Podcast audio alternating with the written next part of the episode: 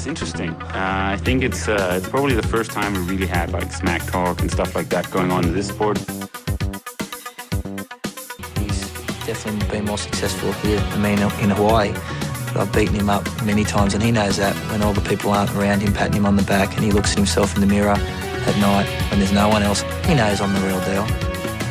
Some people talk and they never won Ironman in Hawaii, so I could talk. I won twice. Sind Sie der Graf von Luxemburg? Oh, pardon, sind Sie der große Mann von Welt? Oh, pardon, genau wie Sie jetzt vor mir stehen. Oh, pardon, habe ich den Herrn mir vorgestellt. Dirk, you are uh, quite a hero uh, here in Denmark, and you have a strong relationship with uh, some of the Danes. You had a Danish coach, and you've been training a lot with some of the Danish guys like Rasmus Henning and Sindballe and Martin Jensen. Uh, did you pick up any uh, favorite sayings in Danish in, in that, that period? And can we have a can we have Yeah, a that's- test of that's your, of your Danish abilities? Ja, ja, ja. Vi, vi, vi kan snakke dansk, jeg kan forstå godt.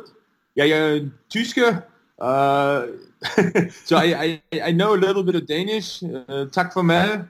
Jeg har spist good. jeg har sovet godt. So I, I, can, I can speak a little bit and I understand quite a few things. Um, I have very, very close relationship to my uh, good friend and former coach, Michael Kruger. And so uh, I trained with him for many, many years uh, from 2006. And therefore, I did a lot of training camps with uh, Martin Jensen, for instance, uh, uh, Torben Sindballe, Rasmus Henning, Jens Toft, and of course also the girls. And, you know, so I, I know them all very well. And I have a great relationship with, with a lot of Danish people. That's why, and also racing over the, there has been a highlight always. And co- now coming back to announce it, it's just, I love the people, I love the country. And so Denmark is in my heart for sure. Oh, that's cool. You have a you have still a lot of uh, fans here, I'm sure. Last weekend, uh, I saw uh, the coverage from Almere, and you did a great job. So uh, yeah, that was really cool. Can you tell a little bit about your impression from that race? We had a, a, another Dane racing there. Maybe tell a little bit about Joe Skipper and him, and your impressions of those guys. Yeah. So um, first of all, it was it was amazing to get this uh, commenting um, opportunity. First of all, I did my first commenting job in uh, Challenge Herning, and that's the race, my last race of my career that I won, and that's why it was very special to me. And um, it's a it's a it's a new experience for me to also be on the other side, being being a commentator.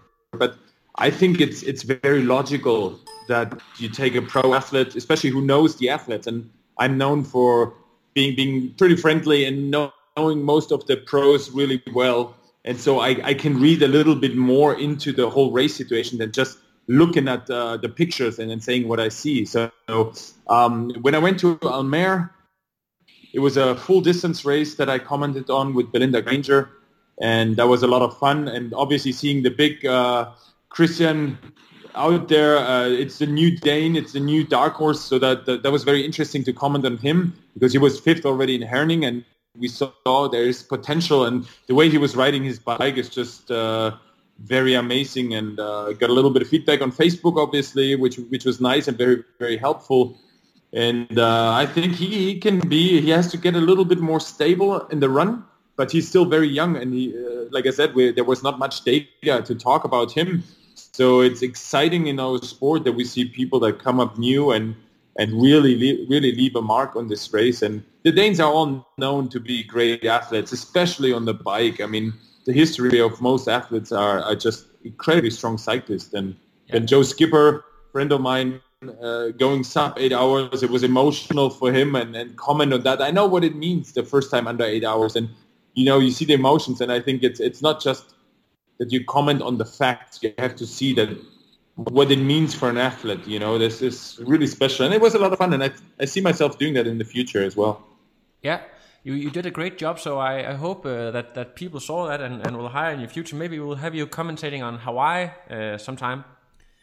Well, thank you. Yeah, that would be awesome. Yeah, I, I love it. It's it's really fun, and it comes natural because after over 28 years in the sport, you know, it's I have the knowledge. So you only have to press play, and I just uh, I let my mouth do the along. talking, you know. That's so cool. Maybe uh, you, you you're talking about uh, many years in the sport. Maybe you can uh, talk a little bit about background story. Uh, first of all, how did you get into this sport of triathlon in the first place? Yeah, yeah. So I was always uh, an athlete. I, even at the age of uh, five years old, I was already doing uh, sport events and sprinting and athletics. And um, then later on, at the age of uh, 11, I started with handball, and I became a pretty good handball player. Um, so when I was 14, I was playing with the 16 to 18 year olds, and I was a goalkeeper. And uh, I was playing in the in the third Bundesliga already, and it was obviously at that age there's a very big uh, uh, um, difference in body size and, and uh, the strength. You know, 14 and 17, that's a, that's a huge difference. And uh, but I was a goalkeeper, and it, it was a lot of fun, and I made my progress. But you know, I was sometimes frustrated that I played very well, and some other people were not so motivated. And, and so parallel, I got into athletics. And in athletics, I met my uh, my later my, my triathlon coach. But first, he was my running coach, and I was doing mainly high jump and uh, the 3,000 meters. So those were my two events. And at the age of uh, 14, I was running 237 on 1,000 meters. So the, I knew there there's a little bit of talent. And uh, at some point, uh, I, he just said, why, why don't you come with us on a bike ride and swim? And so he gave me his old bike and uh, just, uh, I think it was four or six weeks later, I did my first triathlon and uh, it was regional championships and I was as good as I was in athletics. And then um, two years later, I was a European champion. so it, it went really quick. So my first race was in 1989. That was my very first uh, race. And from there on, two years later, I was already in the national team. And from there on, it's like they say, it's all history. It's it's pretty fun that you actually started running because when people think back of your career, maybe the cycling is what what people associate you with the most. Yeah, that's right. Ja, ja, in Cykelmaschine. Yeah. Yeah. Um, I was I was uh, a very good runner at the beginning, but then I, I was a terrible swimmer, so I had to spend a lot of time to get back into the swimming and uh, or to, to to learn the swimming properly as a, as a to race and uh, yeah well I did life saving classes before so I had a natural ability to swim but uh, for a long long time I was stuck with 22 minutes on 1500 meters and it took forever to get my time down. And I did some training camps in the swimming part and then boom at some point 18 minutes and that was just in half a year later. So i made huge huge progress very quick and uh, yeah i spent a lot of time on the swim and the and the bike to become good and then my running was lacking a little bit. And unfortunately there were some critics that always said yeah dirk is a, a exceptional swimmer and biker but he will never learn how to run. Yeah. but that, that that was a huge motivation for me because I, I kept going and you know I won my biggest races on the run like uh, uh, Ironman Melbourne you know? I was coming off the bike in third or fourth and I, I ran them all down and I I ran three times 248 which is you know you know it's not great but it's it's you can win races you know? That, that's so funny uh, that you, you tell me because I was going through your results and I thought, wait, Dirk, he's a front pack swimmer, and you tell me that he was actually terrible to begin with. yeah, yeah, yeah, that's true. Uh, it took a long time, but it, you know, the the school of um, short distance racing and especially the exceptional coaching from from uh, Kruger, Michael Kruger, uh, helped me to to get this all under control. And uh, I mean, I was out of the water in Hawaii in second position before, and I was always in the front pack. So i it's yeah, swimming was not an issue, and I it came natural for me. I, I I liked the swimming. The training was easy for me. I I always enjoyed and uh, yeah.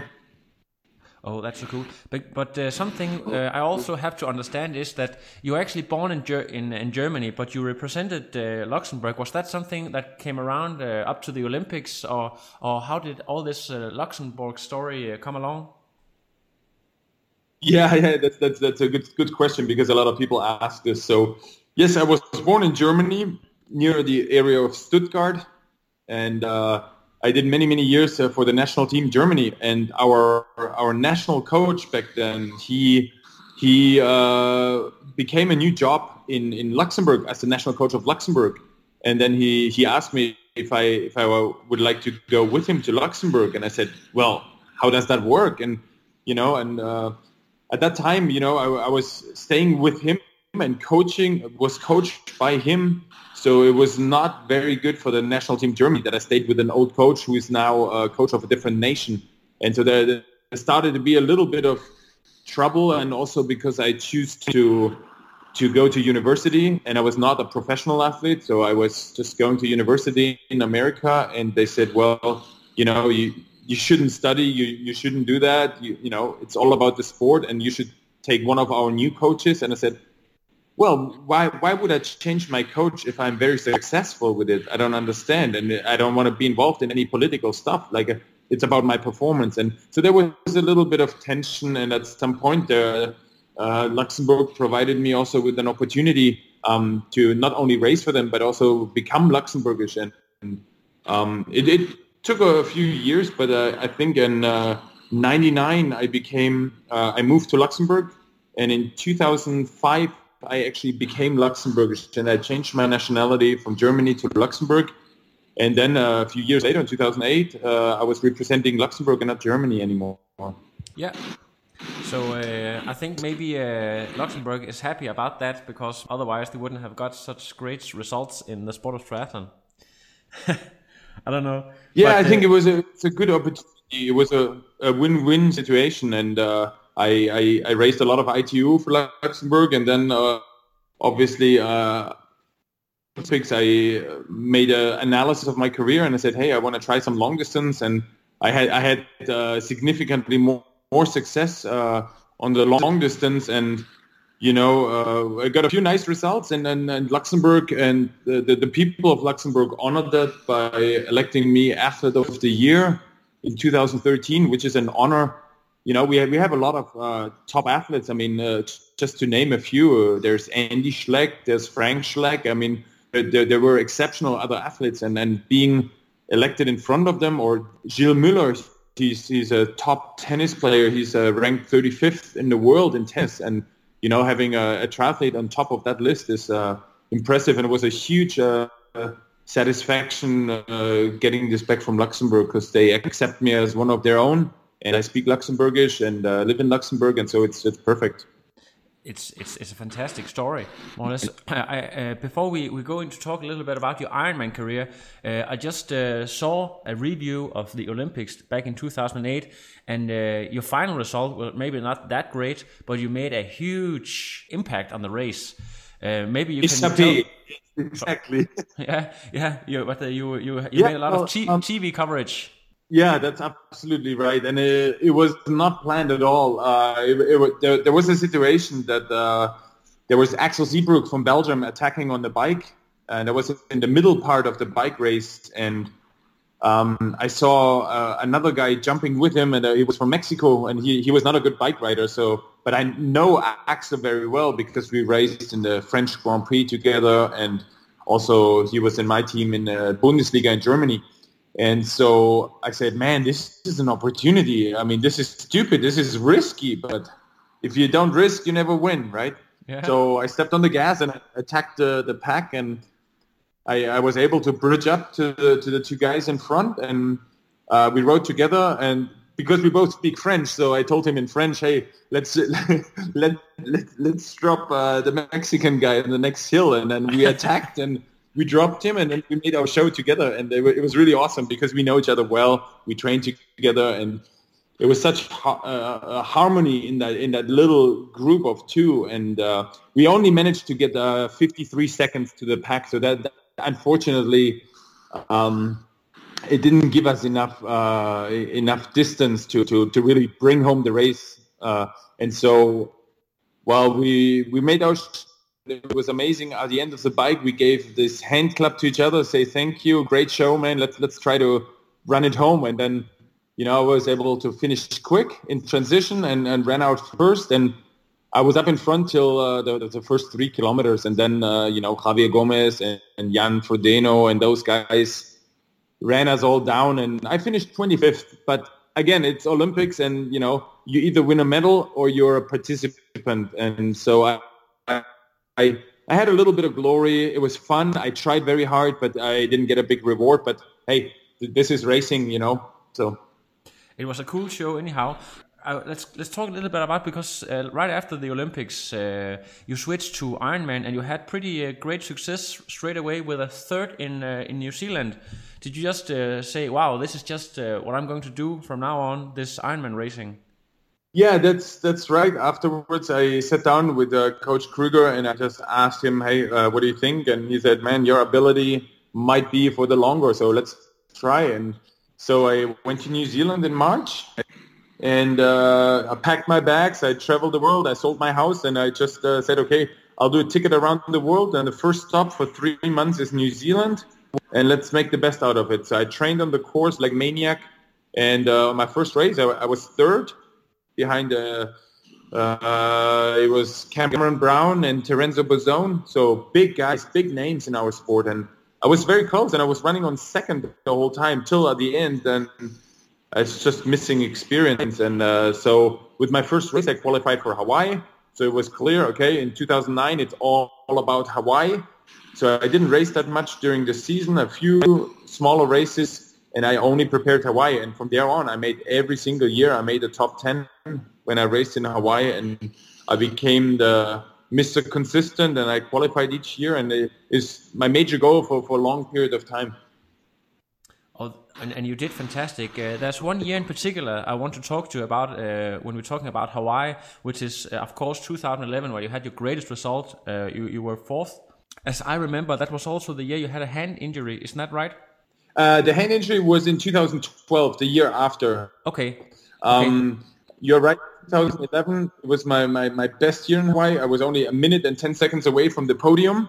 So I finished fourth and uh, yeah, it, it, was my, my best result I, I, I made in my career in Hawaii, and I was so close to the podium. And then you, you know, before I started with Ironman, I said uh, I I really want to have four goals. I I want to do sub eight hours, but first I need to win an Ironman, and you know I, I want to be a medal at the World Championship, but I also you know want to want to have a podium in Hawaii, and so I managed everything except that podium in Hawaii. But I was so close, and you know, I, I still don't see this as a failure. I see this as a still as one of my major success because being number four in the world is is special, and you know, in Hawaii, a time of eight eight twelve is, is is pretty good, pretty solid, and running two fifty two nowadays you can win uh, Hawaii with this time because the the bike got so much faster and the dynamic just changed a little bit.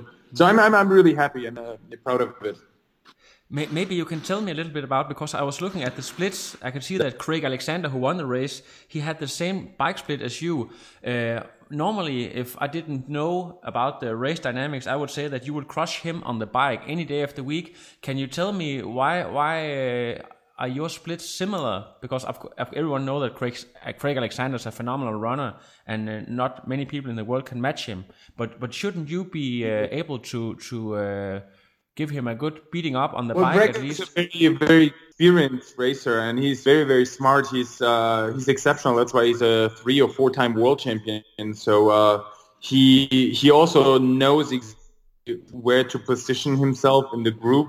And Hawaii is always a you know, I don't know how good his swim was. I don't know if he was exactly in that group or not, but uh, it's been a few years now. But uh, I know he's he's not known for his biking skills, but he's a very good biker.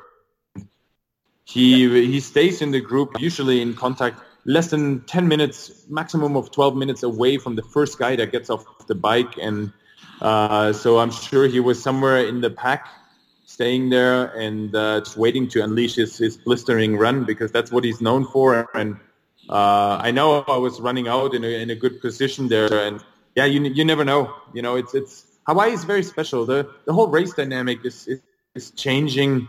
Um, now it's it's nowadays the racing is so much harder and, and faster because if everybody swims so well, everybody bikes so well, and then on the it starts. You know, you start with two guys in the front then halfway out, there's only 18. Then you start the hill with 15. On the top of the hill, there are 10. On the way down, there's 8. Mm-hmm. You know, so it's this natural selection. And then it falls apart in the last 50 kilometers because there's still one big hill to the scenic point on the way back, and there it's really really hard and. Um, of, of course, everybody gets tired, and then the humidity, and then there's no spectators out on the course, and it's it's really tough. And uh, we call it it's last man standing. So whoever can deal the best possible with this exceptionally high pace at the beginning can can still unleash a good run, and uh, that's the dynamics right now. Yes, and uh, I'm looking forward to see what's going to happen this year with a lot of exciting contenders. Um, Dirk, um, yeah, absolutely. In, 2000, in, 2012, you signed up with the Leopard Trek cycling team, which uh, there was a mm-hmm. lot of buzz about that because that was well, uh, today we have a lot of triathletes who are on, on teams that look like cycling teams, but you were actually the first one to to join a, a what do you call it, 100% pure cycling team. How did that come about? Yeah. And uh, yeah, uh, can you tell a little bit about that one? Yeah, that, that so if if you talk about results, that's also just a being able to be in such a professional environment. It was it was eye opening it was incredibly. I was invited in a training camp uh, with Cancellara, with the two Schleck brothers. I mean, it, it was unbelievable. I even raised uh, post Tour de France criteria after the Tour de France. In Luxembourg, there was Ivan Basso, Gazelli, all all those superstars, and and there was there was Dirk in the middle of it, you, you know. and uh, well, the, the thing was when uh, when uh, Team Leopard. Um, yeah, I, I, think they merged also with uh, uh, Team Radio Shack. So, but at the time when I came to the team, it was called Team Leopard, and the financial backer, the sponsor of the team, he was from Luxembourg. So, and just by a coincidence, I happened to meet him at a dinner. He was at the same place, and uh, uh, you know, I was invited to his table, and he wanted to say hi, and uh, knew about my abilities in, in triathlon, and we ended up uh, drinking some good red wine and having a long talk. And uh, the next day, I went to the office and we talked. And uh, a week later, I signed the contract. And I, like you said, that's correct. I was the first athlete on a, on a professional team, and uh, it it really opened my eyes how professional they work. Because triathletes, we all do our own thing. You know, it's a one man business, or it's you and your partner. And so when I did my first race in Abu Dhabi.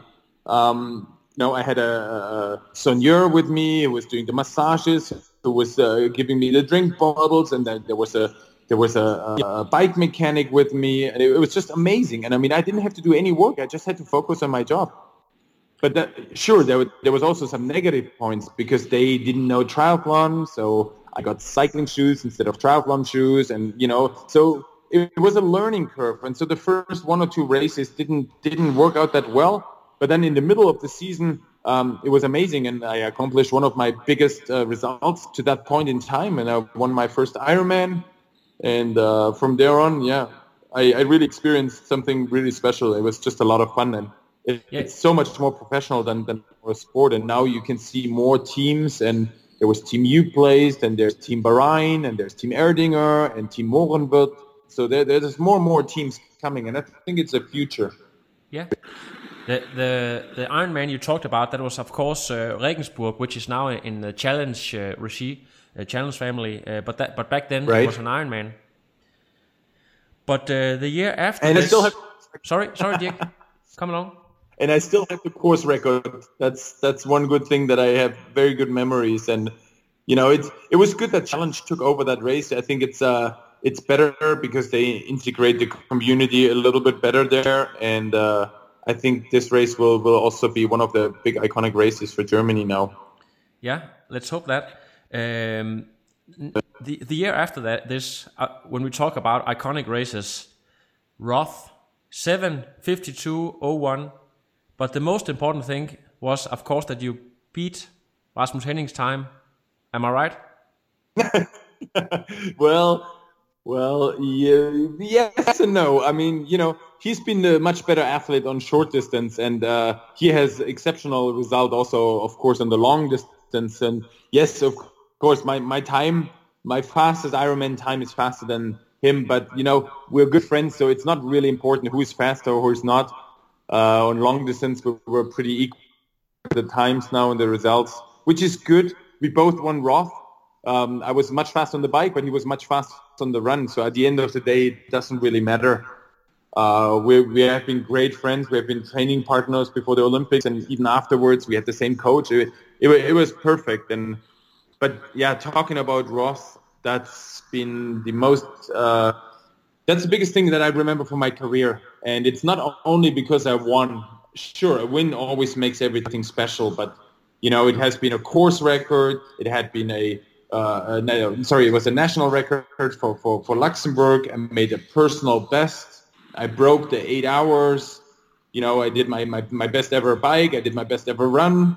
And, you know, for a guy that doesn't run good, so if you run 248 and you win by, you know, 12 minutes, that's, that's not too bad, you know. So I had a really, really good day and probably one of the best days in my uh, long career. And so I, I, fell in love with that race and also with the organization because um, you know I became good friends with uh, Felix Walkshöfer. The back then he was still the CEO of Challenge.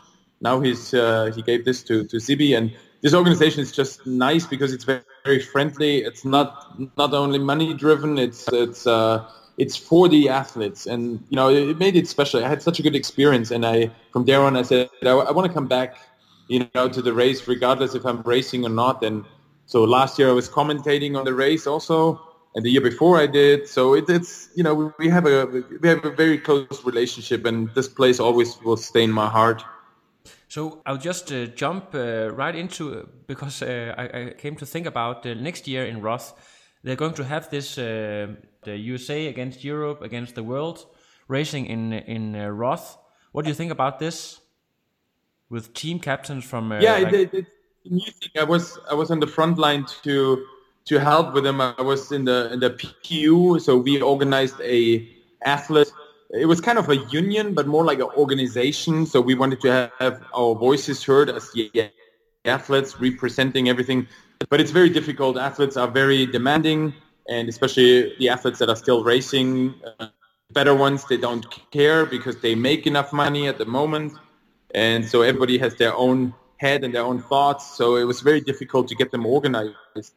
And uh, doing the Riders Cup, basically it's the same system than the golfers have. And so now we have the best people from every continent racing against each other.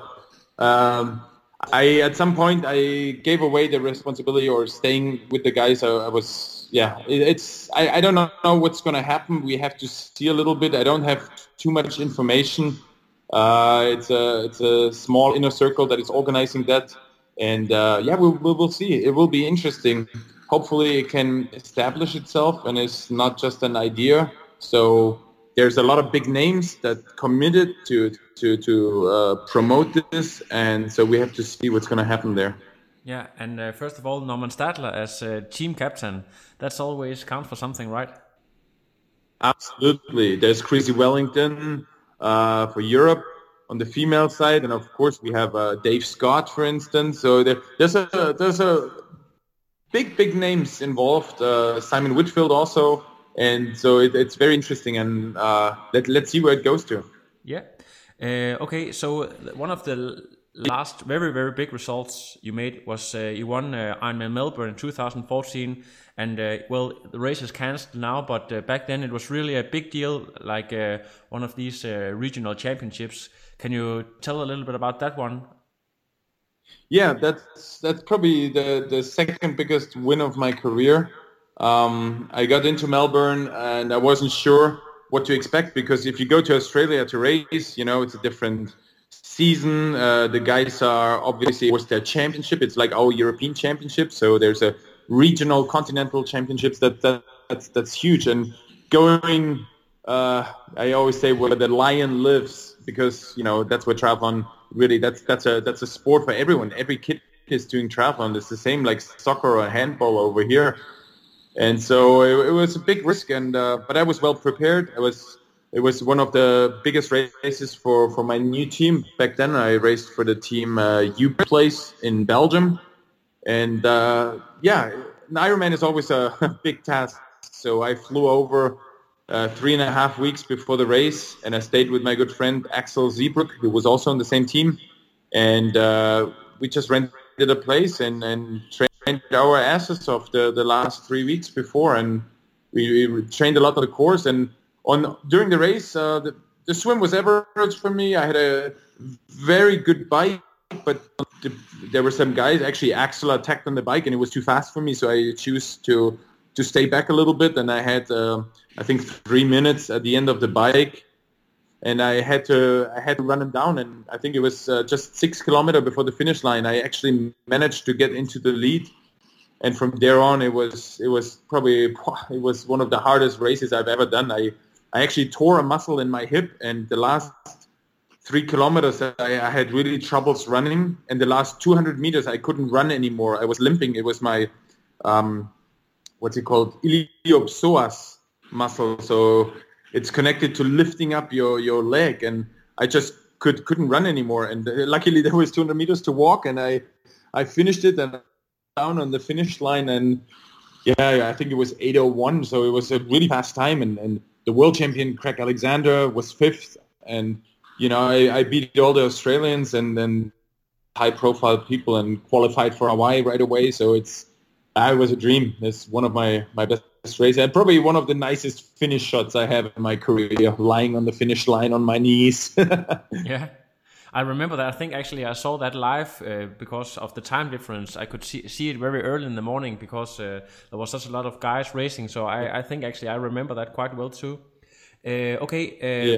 Uh, you you said that you were injured. Unfortunately, uh, the injuries kept coming the last year of your career. Can you can you can you take us through your your last year and your race in in Herning and and yeah your career stop? Yeah. Well, so after after 2014, the, I had this hip injury, so that year was just average. I, I raced in Roth, and I was only six, and then in 2015, um, some some little issues, but uh, everything was good going into Herning. Herning was two weeks before the ITU World Championships, which was my absolute number one goal for this year. So when I raced uh, Challenge Herning, I was uh, training with. Uh, Martin Jensen before, and Martin Jensen is is an incredible athlete. What a swimmer and what a biker, what a runner, you know. And uh, being with him in the front on the bike, I think we had a 44 average. We were hammering. It was unbelievable. And um, when we when we got to the running course, um, unfortunately he had he had a little bit of issues, and later on he had to drop out. So uh, I, I, was in the lead early on, maybe I don't remember, maybe th- kilometer two or three or something. And uh, well, I managed well to, to, to win that race in a good time. And uh, but it was not a race where I tapered. I wanted to have this as my very last hard session two weeks before the World Championships. And uh, after the race, I flew back home. I trained, and then just a few days, I think it was two days before I flew out to um, to the World Championship, I had such an incredible leg that I had to go immediately to the hospital and then we checked x-ray we didn't see we did an mri and we saw a lot of fluid in my metatarsal which is the, the bone in your foot. And so it was I, I, I was unable to to race the world championship so that, that I was very down of, of, the course.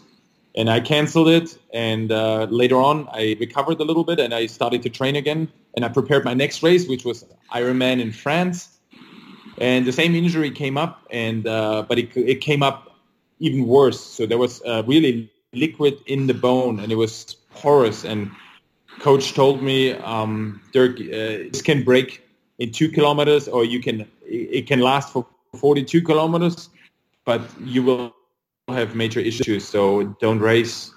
And I wanted to race. I thought about maybe this is the time, the only time when you can do cortisone for your bone to heal but uh, they, obviously a bone doesn't heal with that. So there, there was no point. And I wanted to race because I was out of contract and I wanted to have another contract for the following two years with my team.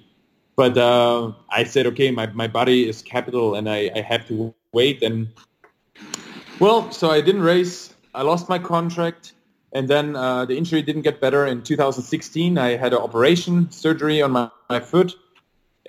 And I never recovered from it because it takes over a year to heal. So I had a long time off, and you know I'm not the youngest chicken anymore. So I I, I was already 40 years old, or 39 at the time, and I, I, I thought, man, it will take me a year to come back to the same level, and everybody else is getting better in that year, you know. And so there, there was just no point to race, and unfortunately, I didn't have this glorious finish like I had planned with the ITU World Champion title. Uh, but yeah, it, it was just uh, unfortunate. But this is sport, you know. This is there's highs, there's lows, and so I finished my career and I, I moved on and did other things then. Luckily, you have a, a great uh, resume still, uh, greater than, than most people, I think. So uh, you can be very proud about that.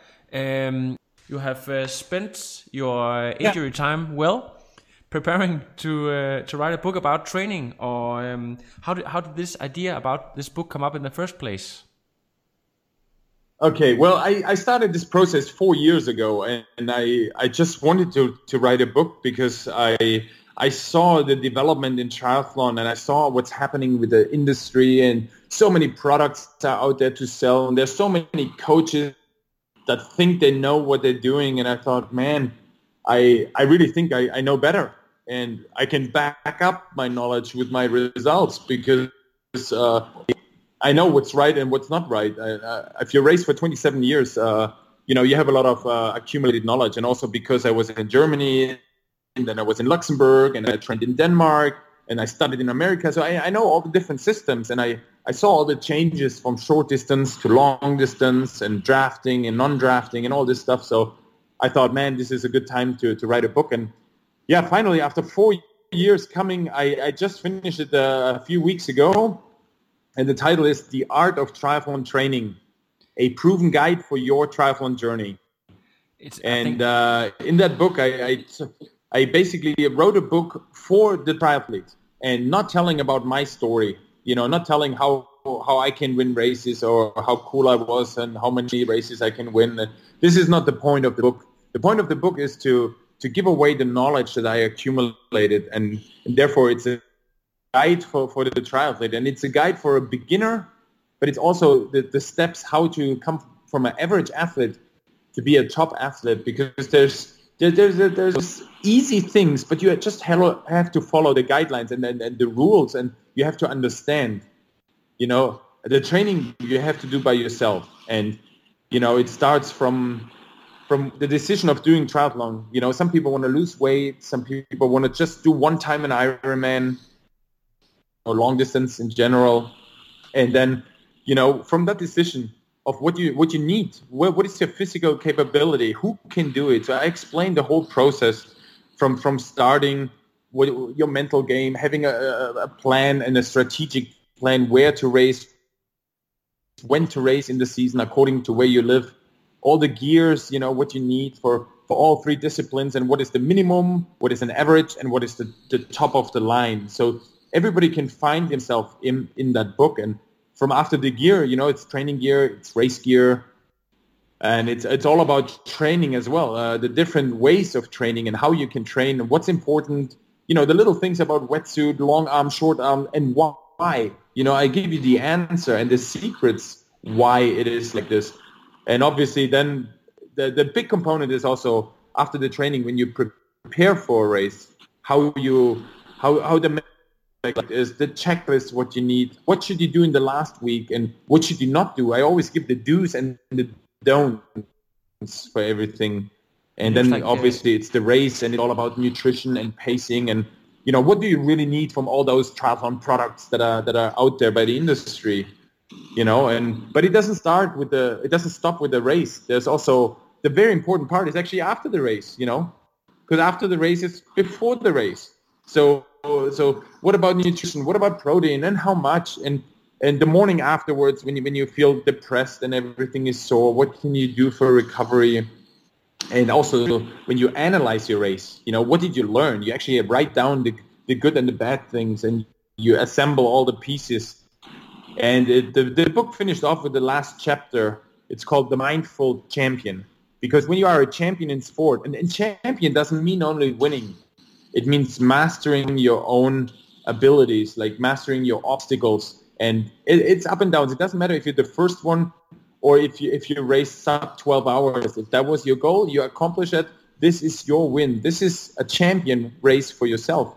And then like I said, the book ends with this mindfulness to to really understand what what it, what is triathlon that you learn. If you're champion in sport you can be a champion in life because it teaches you about you know the, food the body awareness the, the, the time management you know the it, it the drive and motivation. If you're so driven and motivation and motivated and you have milestones that you accomplish you can move that on in your normal life it makes you a better person and that's that's the, the beautiful ending because i think mindfulness is, is very important for people to to understand that you know we're all thinking about yesterday and we're rushing into tomorrow and we have our checklists all the time to-do list but you know being here and now it's it's it's it's not easy to do but i think it's very very important to, to live the moment and be present and aware of those little things and uh, uh, so so this is the main book but I, I felt you know we're talking here 275 pages but then I thought there's so much more, and I started writing the next book. So now I have five books, and one is about injury. Then the other one is about meditation and the, the pure mindfulness, you know, the, the sport mentality. And then there, there's another book which is important about the bike, the aerodynamics for it.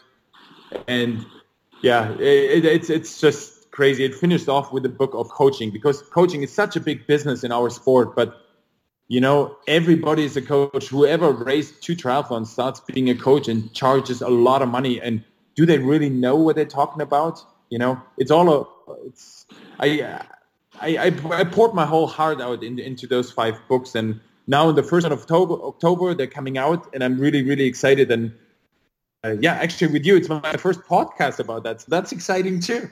Yeah. Yeah. And, and, and if you chose mine, that's, uh, uh that's a huge honor.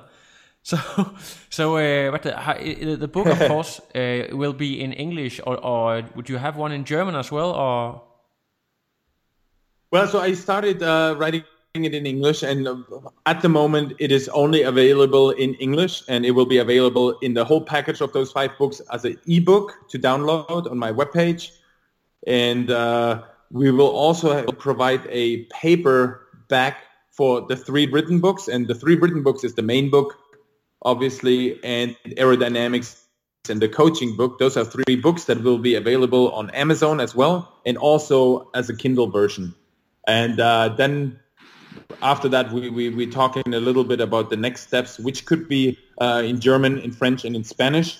But I, I would like to wait a little bit longer before I commit to this because the, the follow-up on the book, I created a Facebook page with, uh, you know, it's, a, it's, it's basically a 20 dollars per person per month, and I I do basically a, a mass coaching. But it's not only the coaching that I tell you how you should what you should do. It's it's it's it's you know whatever the question is from that group. You know the current status. Is it before a race? Is it right now on, on the weekend after a race?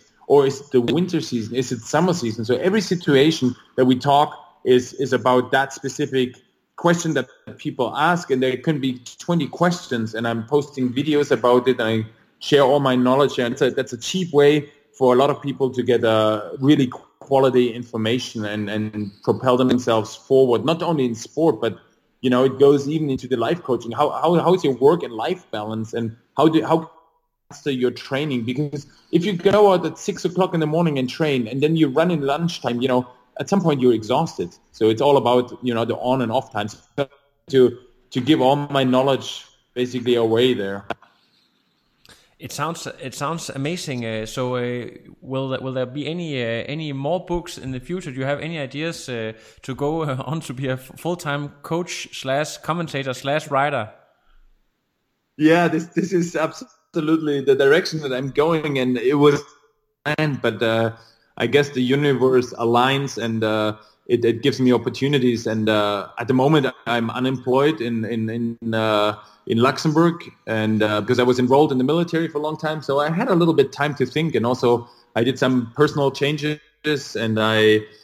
Uh, and unfortunately, I left my wife and uh, choose to come back to Luxembourg here from Florida and live now back in Luxembourg and started a new life also without the sport, without the wife, and so I had a lot of time on my hands. And I, my number one goal was to finish the book. And now I'm diving into the Facebook group and commenting is already uh, on the horizon. And so the next book, I already have a little outline, which is uh, what happens after the sport, you know, like the thing that I went through. And I know a lot of other athletes that fall in a big black hole because you're not interesting anymore when you don't race, you know, unless you make something out of it. And a lot of people get depressed and they start drugs and alcohol. And I want to provide something, uh, some guided helplines and steps where, where people know how they can pull themselves out of that. You know, it's an identity loss. Yeah. You know, it's not like a job that finishes and you start a different job in a different bank or something. It's uh, when your career is over, you're done. But you're young. You're 40 years old usually. You know, maybe 45, maybe 35. You know, and it's when when you've done nothing else but racing, it's it's hard to find your place in society. You don't know who you are then because you were just racing, but now you're not. You know, and so I think this is this is having to make making for the future. Yeah, I think actually Scott Tinley he wrote a, a book about that once called "Racing in the Racing in the Sunset" or something. Yeah, "Racing in the Sunset." He wrote. Yeah, yeah, Stupid. yeah.